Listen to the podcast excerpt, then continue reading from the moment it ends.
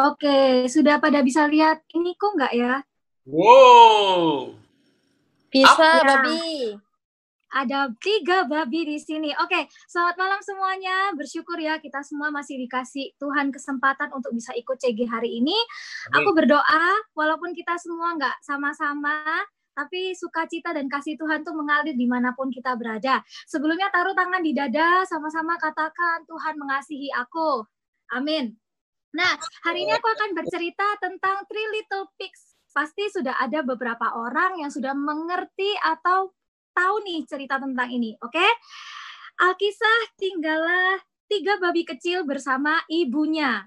Nah, ketika babi kecil ini sudah beranjak dewasa, si ibu ini mengatakan kepada anak-anaknya, "Nak, kamu sudah besar, eh, hidup mandiri ya. Kamu harus membangun rumah kamu sendiri. Dan hati-hati, eh, nanti pasti ada serigala. Jadi kamu harus jaga dirimu baik-baik." Nah, tiga babi ini tuh senang banget bermain dan bersenang-senang. Tanpa sadar musim sudah berganti dan sebentar lagi masuk nih musim dingin. Dan mereka butuh tempat berteduh. Mereka ingat perkataan ibunya. Akhirnya si eh, tiga babi ini berniat untuk membangun sebuah rumah. Babi pertama mengatakan, aku punya ide. Aku akan membangun rumah dari jerami karena cuma butuh waktu satu hari aja bangun. Aku nggak perlu repot-repot untuk membangun. Tapi dua babi lainnya, dua saudara yang ngomong, ah kamu yakin mau pakai jerami? Aduh itu rapuh banget loh buat rumah. Tapi babi yang pertama nggak mau dengerin. Ya sudah, akhirnya dia sibuk membangun dan tada, jadilah rumah babi pertama menggunakan jerami. Babi yang kedua berdiskusi sama babi ketiga, dia nggak mau kalah. Dia bilang, aku mau kerjain pakai kayu aja. Soalnya lebih kuat lah dari jerami, cuman butuh waktu dua hari. Oke, akhirnya babi kedua ini membangun-membangun, tapi babi ketiga ini nggak setuju. Dia berpikir, ah kok kayaknya nggak mungkin ya pakai kayu ini.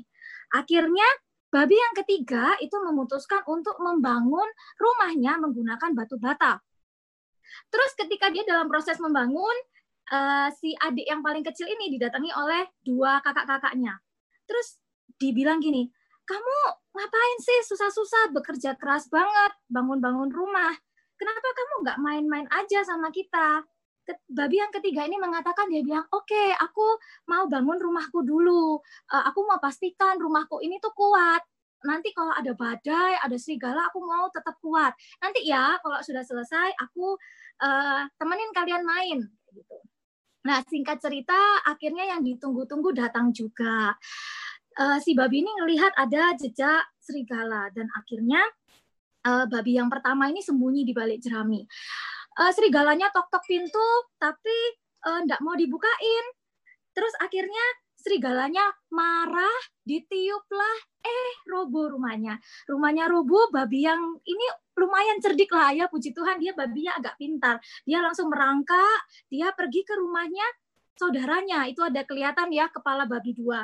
Serigalanya enggak mau kalah lagi, dia coba tiup, eh tapi ternyata kok rumahnya enggak roboh. Dia kumpulkan tenaganya, dia tiup lagi, akhirnya roboh juga melihat hal ini si adik itu tidak mau jadi adik yang kurang ajar ya. Jadi dia melihat aduh kakakku ini kok kesusahan. Akhirnya dia bukakan pintunya dan akhirnya tiga babi ini masuk ke rumah adiknya yang ketiga ini kan kelihatan. Si serigala tidak mau menyerah. Dia pikir wah enak ini sekali tiup langsung dapat tiga babi kenyang langsung. Serigalanya coba tiup dengan sekuat tenaganya, tapi sayang sekali rumahnya tidak roboh. Rumahnya kuat terbuat dari batu. Serigalanya lihat di atas itu ada cerobong asap. Dia coba naik ini ya, kepotong gambarnya. Serigalanya coba manjat ke atas, dia mau turun, mau masuk ke rumahnya. Dan ternyata tiga babi ini tahu akan hal ini dan akhirnya dia kasih cerobong sama kayak pot yang besar ketika serigalanya masuk, langsunglah serigalanya mati dan masuk ke dalam pot. Nah, ceritanya happy ending selesai uh, Gap, ini kan bukan Eagle Kids yang ngapain cerita tentang babi-babian. Hari ini aku akan beritahukan apa ini sebenarnya sudah ada loh di dalam firman Tuhan. Jadi cerita ini ya ada di dalam firman Tuhan. Hari ini kita mau belajar sama-sama. Yuk kita buka di Matius 7 ayat ke-24 sampai ke-27. Aku bacakan ya. Dua macam dasar. Setiap orang yang mendengar perkataanku ini dan melakukannya, ia sama dengan orang yang bijaksana yang mendirikan rumahnya di atas batu.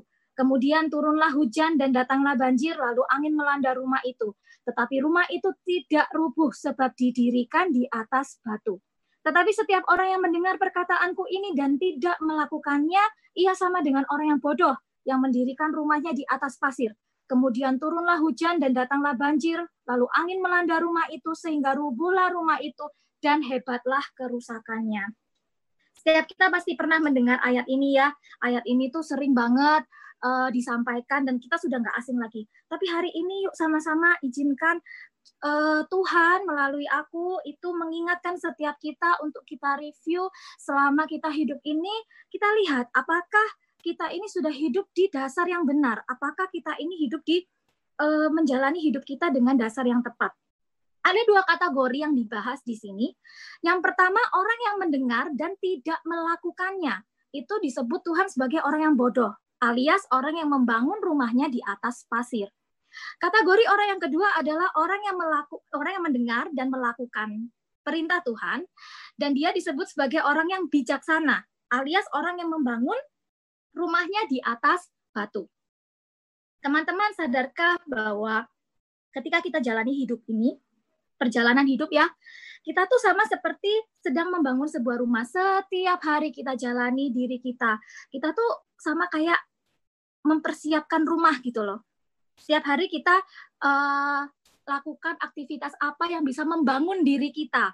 Kalau kita suka tidur-tiduran, mager, nggak suka ngapa-ngapain ya otomatis kita membangun diri kita tuh bukan jadi orang yang uh, punya pengetahuan kayak gitu. Tapi kalau kita rajin baca buku, kita isi diri kita dengan hal-hal yang positif, kita membangun diri kita dan hidup kita ini jadi orang yang produktif.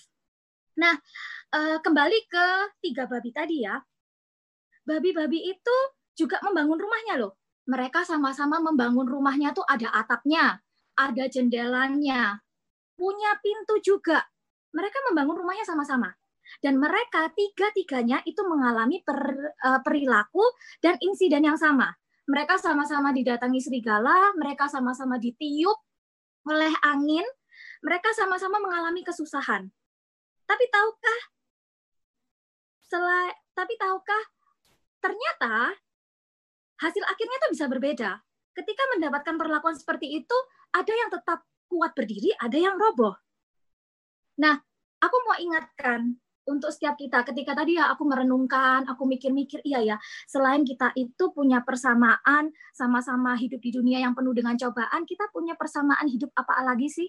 Ternyata aku menemukan bahwa setiap kita manusia yang ada di sini, ada berapa orang ini? Di sini ada 32 partisipan di room ini, kita tuh ternyata memiliki empat kesamaan yang sama dalam hidup.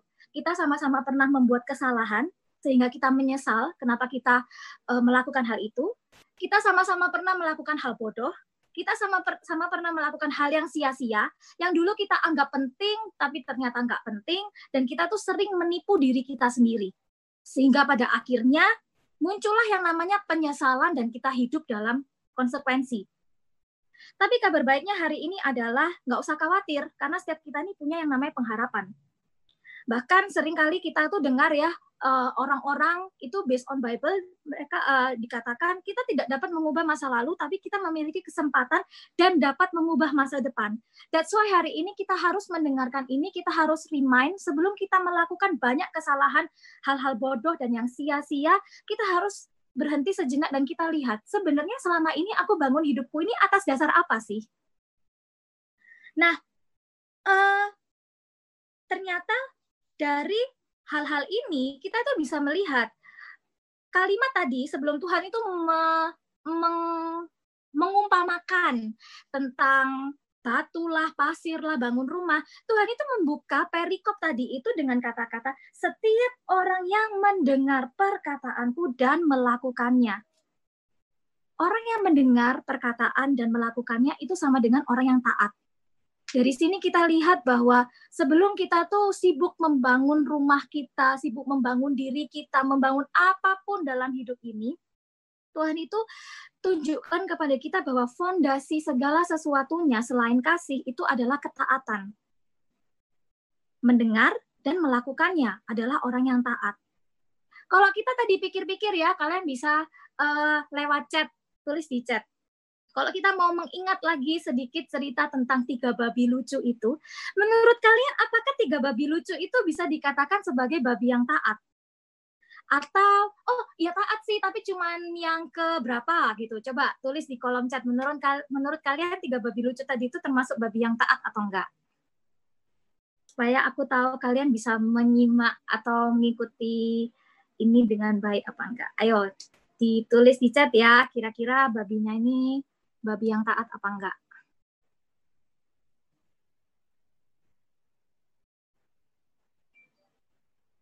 Uh, nggak ada yang ngechat. Oh, taat. Oh, ada babi yang taat, babi nomor tiga. Oke. Okay.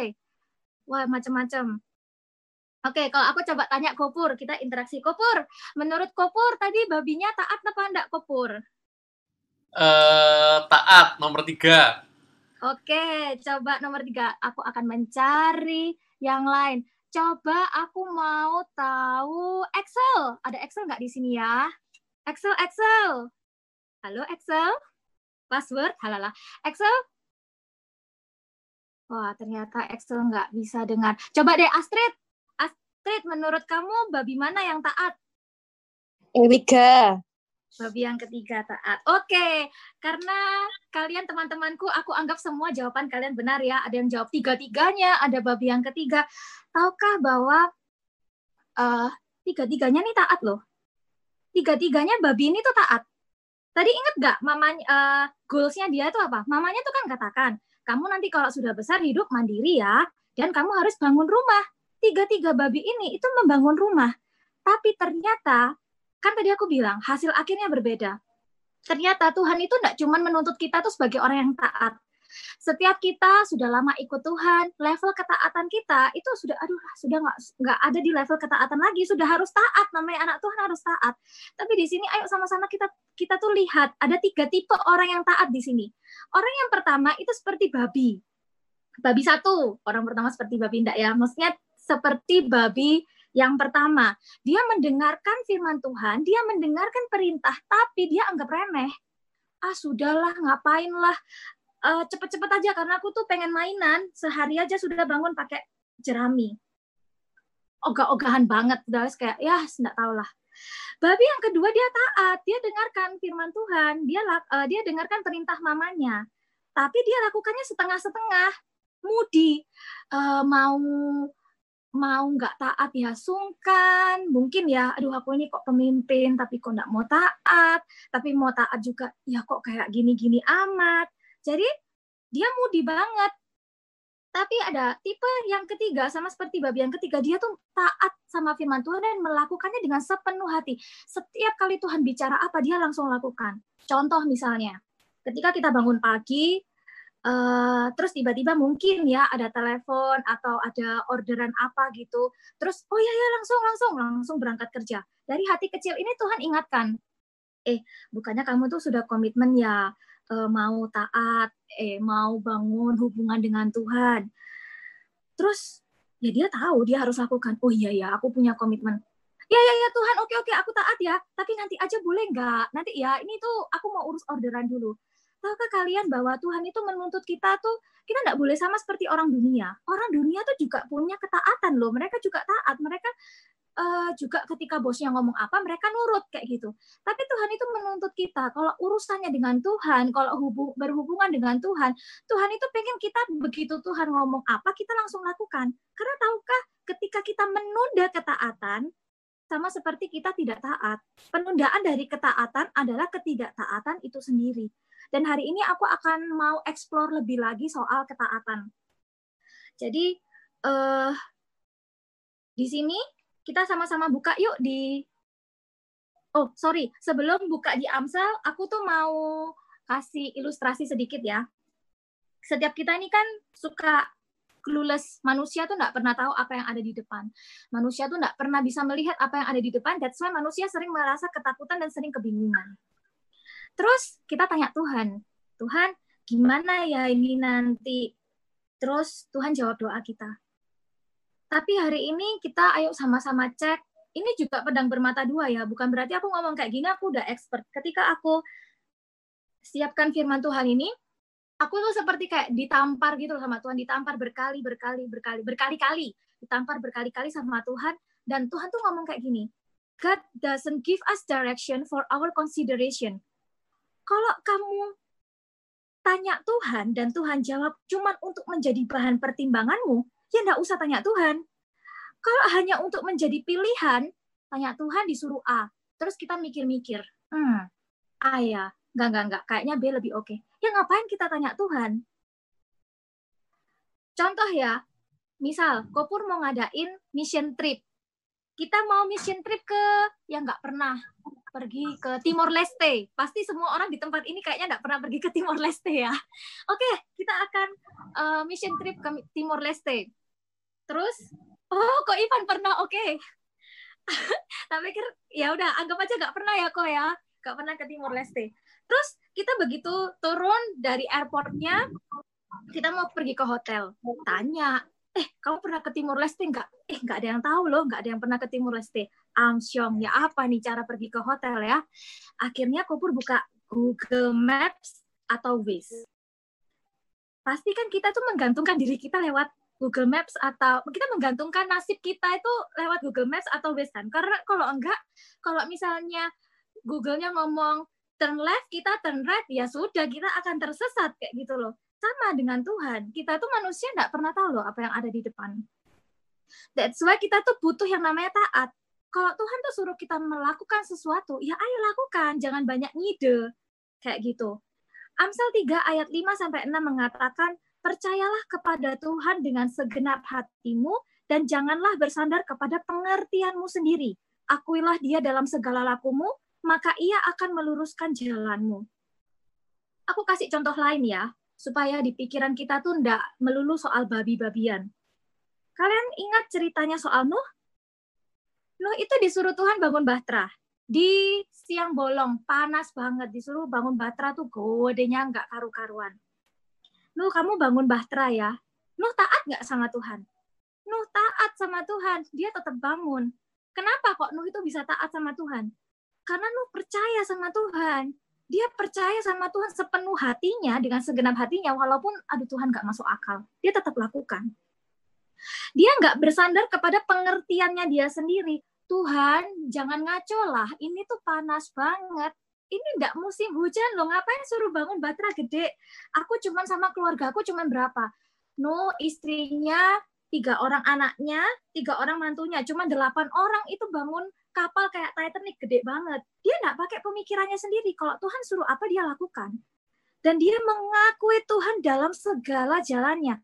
Mau satu kampung cercai dia, katakan dia bodoh, katakan dia gila, dia tetap lakukan, dia tetap taat sama Tuhan. Karena itu makanya ada Tuhan akan meluruskan jalan kita. Kalau akhir-akhir ini, di tempat ini ya, ada yang merasa Tuhan, kok cobaanku berat ya Tuhan ini cobaannya bertubi-tubi. Sudah habis kena masalah ini, pekerjaanku mampet, eh masalah keluarga, eh masalah apa. Kalau ada di antara kita yang sedang mengalami pergumulan berat di dalam hidup, dan kita tuh berharap Tuhan itu tolong setiap kita. Tuhan tolong luruskan jalanku. Tuhan tolong buat jalanku tuh apa ya di Alkitab ada berjalan di tanah yang rata, eh, berjalan di tanah yang mudah untuk dilalui. Tuhan itu akan lakukan, tapi kalau kita tuh melakukan tiga hal ini di atas, kita percaya pada Tuhan dengan segenap hati, tidak bersandar kepada pengertian kita sendiri, dan mengakui Tuhan dalam segala laku kita. Kita akan jadi orang yang nggak gampang curiga sama Tuhan. Karena apa? Kalau kita nggak punya tiga hal ini, kita tuh nggak akan mungkin bisa jadi orang yang taat. Tuhan kasih kita direction, Tuhan kasih kita petunjuk, kita tuh akan bantah terus. Karena apa? Karena otak kita tuh kecil banget. Kita tuh nggak bisa memikirkan apa yang Tuhan pikirkan. Rancangan kita, eh, rancangan Tuhan itu di atas rancangan kita. Pikiran Tuhan itu di atas pikiran kita. Kayak gitu. Dan hari ini uh, untuk setiap kita yang merasa kalau kita bukan orang yang taat, termasuk aku waktu mendengar, waktu aku siapkan firman ini, aku menangis gitu loh, kayak aku tuh pikir ya ampun Tuhan, aku ini ternyata sering kali nggak taat ya. Tuhan ingatkan lagi, Gaby, kamu tahukah kenapa kok kamu tuh sering banget nggak taat? Ya karena kamu nggak percaya sama Tuhan. Terus aku pikir-pikir, apa ya yang membuat aku tuh nggak bisa percaya sama Tuhan? hal apa ya yang membuat aku tuh susah untuk nggak uh, berprasangka buruk sama Tuhan.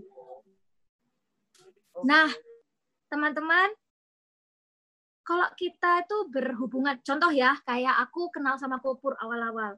Pertama kali kenal Kopur, kenalan, halo Purnomo, Gaby, oke. Okay. Terus Kopur tuh suruh aku sesuatu, oh Cekosi dada-dada ya, halo Cekosi. Uh, gak kenal awalnya. Terus tiba-tiba Kopur sama Cekosi tuh ngomong gini, Gap, kamu keluar dari kerjaanmu yang sekarang soalnya aku tuh gak ada sejahtera. Kamu itu kerjanya uh, Tuhan itu pasti akan sediakan kerjaan yang baik buat kamu. Kalau aku pertama kali kenal sama Kopur sama Cekosi, mereka ngomong gitu, aku paling cuma kayak hahaha, kok tiba-tiba ngomong kayak gini? Aku nggak akan percaya sama mereka. Karena apa ya? Karena mereka stranger, aku nggak kenal sama mereka. Tapi kalau misalnya Kopur sama Cekosi, aku kenal mereka dengan baik, aku tahu mereka orang yang diurapi Tuhan, aku tahu mereka selalu berdoa buat aku, mereka itu berdoa buat aku dan Tuhan itu banyak ngomong memberitahukan rahasia-rahasianya kepada Kopur dan Cekosi, aku akan pertimbangkan, aku akan oke okay, kalau memang itu dari Tuhan aku akan lakukan. Ya itu tadi, aku akan cepat untuk taat pada mereka karena hubungan kita itu baik.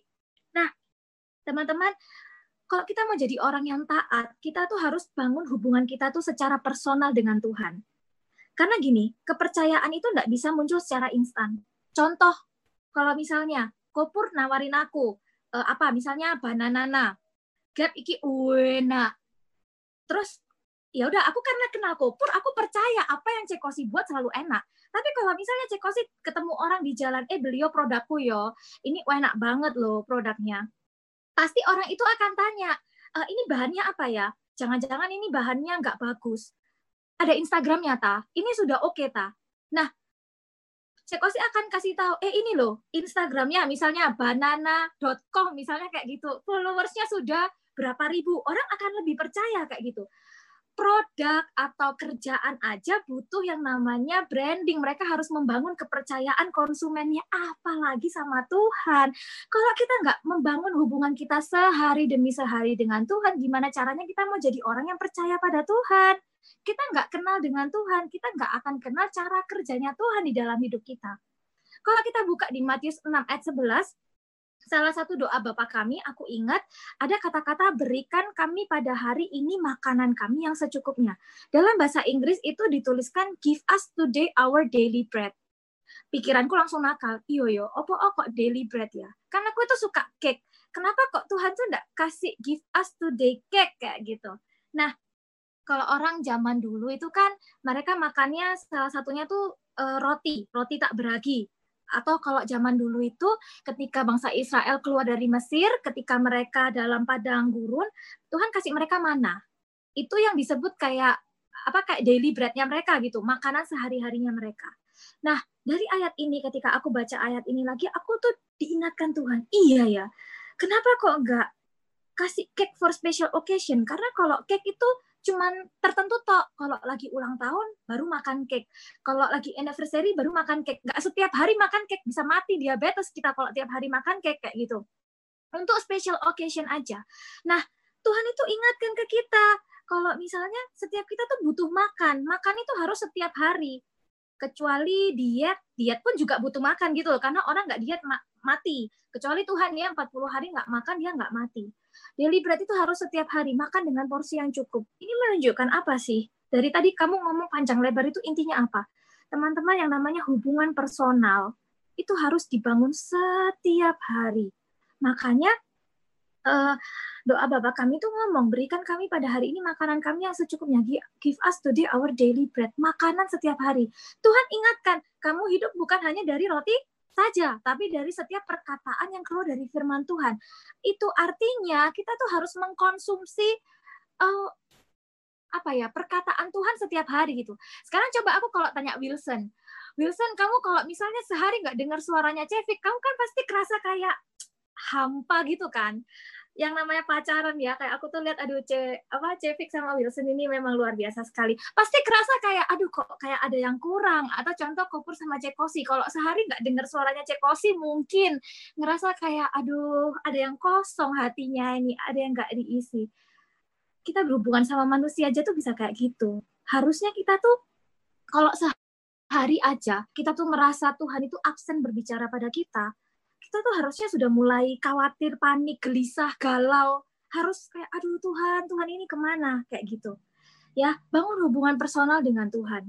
Selanjutnya, di Hosea 4 ayat 4 sampai 6 di The Message itu ada satu kalimat dia ngomong I want to I want you to know God not go to more prayer meetings. Nah, nanti kalian baca sendiri ya satu perikop lengkap. Di situ tuh diingatkan, pengenalan akan Tuhan itu lebih penting. Bukan ini ya, kalau prayer meetings itu kan rame-rame. Kalian pernah nggak sih datang ke meeting tapi yang datang cuma satu orang? Misalnya aku, guys, ayo kita meeting ya. Tapi yang datang cuma diriku sendiri kan nggak mungkin. Yang namanya meeting itu pasti banyak orang, berbanyak orang. Tapi di sini Hosea tuh mengingatkan, percuma kamu tuh rame-rame datang ke meeting ini, melayani ini, ketemu ini, datang ke CG, Zoom, dan lain sebagainya. Kalau hubungan personalmu sama Tuhan itu tidak kamu maintain, kalau kamu tuh tidak bangun hubungan personalmu tuh secara kuat dengan Tuhan, tahukah hubungan personal yang kita lakukan setiap hari, kalau kita Zoom CG, satu minggu paling cuma satu kali ya yang ketemu tatap muka, pergi ke gereja hari Minggu umum dengerin Ko Philip rame-rame uh, sebelum ada COVID satu minggu cuma sekali. Nggak bisa. Kalau kita membangun rumah, ya sama kayak tadi. Kalau kamu cuma bangun sehari aja dalam satu minggu cuma sehari, sama aja kamu bangun hidupmu seperti kamu bangun rumah dengan jerami gitu loh. Tapi kamu harus bangunnya tuh setiap hari, maintain setiap hari. Diperlukan jam demi jam untuk semakin mengenal Tuhan secara disiplin dan konsisten. Ayo hari ini sama-sama ya, termasuk aku, kita kembali lagi komitmen sama Tuhan. Kalau hari ini kita merasa kita ini tidak pernah bangun hubungan kita personal sama Tuhan, ayo bertobat. Supaya apa? Supaya jadi orang nggak gampang mengeluh ketika badai topan menerpa, ketika ada serigala dalam hidup, iblis datang uh, mengintari kita, mencoba memasuki kita dengan berbagai macam cobaan. Kita nggak jadi orang yang gampang jatuh, kita nggak akan jadi orang yang gampang kecewa, kita nggak jadi orang yang gampang kukut dan roboh uh, selama 26 tahun aku hidup, aku juga mikir, iya ya, jangan sampai loh, suatu hari nanti di umur-umurku yang misal di umur yang ke-27 atau umur yang ke-28, ketika Tuhan kasih mengizinkan, bukan Tuhan yang kasih, ketika Tuhan mengizinkan cobaan terjadi dalam hidupku, eh ternyata selama ini fondasiku nggak kuat. Gaby yang dikenal orang yang suka baca Alkitab misalnya, orang yang nggak pernah absen datang CG, yang mungkin selalu sharing, eh ternyata kukut loh di perjalanan. Karena apa? Ya itu tadi, nggak bisa bangun hubungan personalnya secara kuat dengan Tuhan. Nah, aku mau kasih satu contoh. Kemarin waktu hari Rabu, Ko Philip bicara soal Yabes ya. Setiap kita di sini pernah tahu pasti tentang yang namanya eh, tentang seorang yang namanya Yabes. Kita baca ya sama-sama di satu Tawarik 4 ayat 9 sampai 10. Yabes lebih dimuliakan daripada saudara-saudaranya. Nama Yabes itu diberi ibunya kepadanya sebab katanya aku telah melahirkan dia dengan kesakitan. Yabes berseru kepada Allah Israel katanya, kiranya engkau memberkati aku berlimpah-limpah dan memperluas daerahku. Dan kiranya tanganmu menyertai aku dan melindungi aku daripada malapetaka sehingga kesakitan tidak menimpa aku dan Allah mengabulkan permintaannya itu. Kalau kalian baca di perikop-perikop sebelumnya itu boring banget. Itu cerita tentang silsilah itu loh. Ini memperanakan siapa, siapa punya anak siapa. Eh tapi muncul di ayat ke-9 Tuhan itu sebut yang namanya Yabes. Itu berarti menunjukkan bahwa orang ini tuh spesial banget di antara uh, saudara-saudara yang lain, silsilah keluarga yang lain nama Yabes itu dikatakan uh, kasihan ya anak ini kalau aku bayangan bayangki, bayangkan uh, seorang ibu itu melahirkan anak. Kalau aku tanya Cekosi, uh, Cekosi waktu hamil Matthew pasti happy banget, ya kan Cek? Gak gak ya. sabar pengen ya nggak sabar pengen supaya Matthew itu cepat keluar kayak gitu. Aduh, ditunggu-tunggu. Atau kayak Cesela sekarang yang lagi hamil pasti mikir kayak aduh kapan ya aku ketemu anakku happy banget gitu loh kalau orang tuanya tuh excited. Ya bes ini saat Noe minta ampun. Dia tuh ketika dalam kandungan pun ibunya tuh ternyata enggak happy. Ma maka ketika dia lahir ibunya tuh kasih nama dia tuh aku melahirkan dia dengan kesakitan. Tapi tahukah hidupnya ya Bes itu lebih berbobot walau namanya tuh penuh dengan derita. Kalau sekarang ya kalian uh, random tanya ke orang tua, setiap orang tua tuh kasih nama anaknya tuh pasti uh, bukan iseng-iseng, tapi pasti ada artinya, ada maksudnya. Waktu aku tanya arti namaku, aku tuh kaget gitu loh kayak, wih arti namaku ini ya lumayan api ya, tapi kok rasanya hidupku ini kurang mencerminkan arti namaku gitu loh. Mamiku bilang iya kenapa kok namanya Gabriela? Soalnya uh, dari malaikat Gabriel itu kan mengabarkan berita sukacita ya mami tuh berharap supaya hidupmu tuh selalu mengabarkan berita sukacita. Terus aku tuh mengingat diriku yang penuh dosa ini kok aku tuh sering mengeluh sering komplain. Terus nama Mia Pistia diambil dari kata bahasa Ibrani akar katanya tuh orang yang beriman. Nah kan penuh doa mamiku tuh berharap supaya aku nanti itu jadi anak yang beriman. Kayak gitu. Terus Mulyadi ya nama keluarga ya papaku katakan ya ya gimana nggak bisa nggak bisa pilih gitu loh karena nama keluarga tapi berharap jadi orang yang mulia jadi anak yang mulia. Nah mengandung doa kayak gitu loh. Apa sih hubungannya? Ya Bes dengan tiga babi kecil dan ketaatan dan fondasi hidup dan semua yang aku katakan. Teman-teman tahukah? Yabes ini sekalipun hidupnya tuh penuh dengan penderitaan, sekalipun dia itu nggak punya alasan untuk happy, sekalipun dia nggak punya alasan untuk bersyukur, bahkan ke orang yang harusnya sayang sama Yabes, ibunya sendiri pun itu menolak Yabes. Yabes nggak kepahitan loh. Yabes nggak sedih loh. Yabes nggak menuntut ibunya, dan dia nggak apa ya, dia nggak sedih, nggak hidup sebagai mental korban. Yabes bisa loh, Yabes berhak loh punya punya mental victim victim mentality. Ya, pokoknya mental korban. Dia merasa gini gini gini mengasihani diri sendiri. Tapi Yabes nggak lakukan itu. Hari Selasa kok Adri, kok Adrian bahas soal broken hearted ya. Entah konteksnya itu mau soal hubungan relationship cowok sama cewek atau relationship dengan banyak hal. Intinya nggak jadi orang yang gampang broken heart. Yabes itu kayak gitu. Dia tuh punya hubungan sama Tuhan itu kayak aman banget. Dia aku tuh bayangin ya selama hidupnya ya Bes, kalau aku hidup kayak gitu pasti aku tuh penuh dengan dendam. Apa aku dilahirkan? Kok keadaanku kayak gini? Kenapa ibuku ndak sayang sama aku? Pasti dalam hati itu penuh dengan dendam, penuh dengan dengki, pengen balas, tapi ndak. Ya Bes tumbuh jadi orang yang apa ya? Kalau kalian baca ayat 10, bisa bayangin nggak sih mana ada orang yang berdoa dengan tanpa rasa guilty gitu? Ya udah doa aja. Lalu Tuhan kiranya Engkau memberkati aku ya hidup itu ketika dia panjatkan doa itu tidak ada rasa berat. Yes asal ngomong aja mulutnya Tuhan berkati aku Tuhan perluas daerahku. Ini bisa menunjukkan kualitas dan karakternya Yabes. Makanya sampai namanya dia itu bisa disebut. Dia menunjukkan bahwa hubungan dengan Bapak itu isi banget. Ini relationship goal. Dan nanti kalau meninggal aku mau tanya ya di surga itu sama Yabes kamu kok bisa sih kayak gitu dan aku bisa prediksi bahwa Yabes ini sejak masa mudanya, sejak masa kecilnya, dia tuh bangun fondasi hidupnya tuh dengan benar. Dia bangun fondasi hidupnya tuh dengan kasih dan ketaatan pada Tuhan. Sehingga ketika Tuhan katakan, jangan balas, ayo mengasihi, jangan punya mental korban, terus ber, uh, terus melayani Tuhan misal, terus berkarya, jangan berhenti, jangan menyerah. Dia taat sama Tuhan. Badai hidup dari orang tuanya sendiri, dari orang terdekatnya itu tidak mampu menjatuhkan dan menggoyahkan dia. Karena dia tahu siapa fondasi hidupnya. Karena itu dia berdoa sama Tuhan, kiranya Tuhan memberkati aku berlimpah-limpah. Tahukah berkat berlimpah-limpah itu bukan bicara soal materi, tapi kapasitas hatinya tuh Tuhan itu tambah-tambahkan. Jadi orang yang apa ya legowo, kayak orang yang bisa menerima keadaan. Ya sudahlah, masa bodoh orang mau mau tolak aku, orang mau hina aku. As long as aku dekat dengan Tuhan, aku lakukan dengan Tuhan, ya sudah, aku akan lakukan. Sekalipun dunia menolak aku, aku tetap mengasihi Tuhan.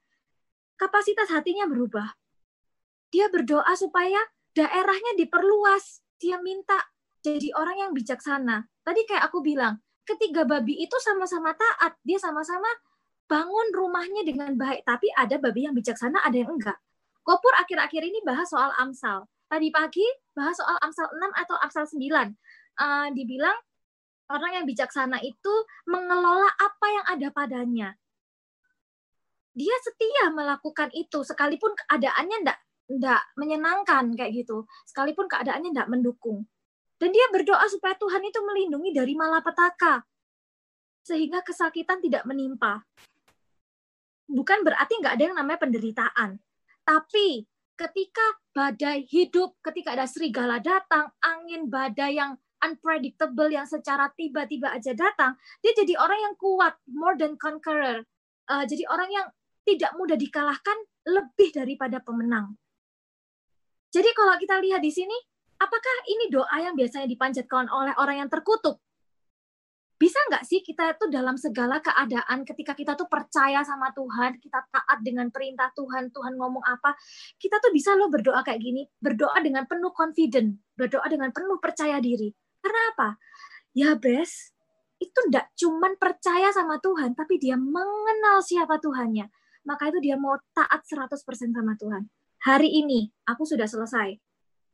Hari ini, ayo sama-sama Tuhan sih selama ini apa kita tiba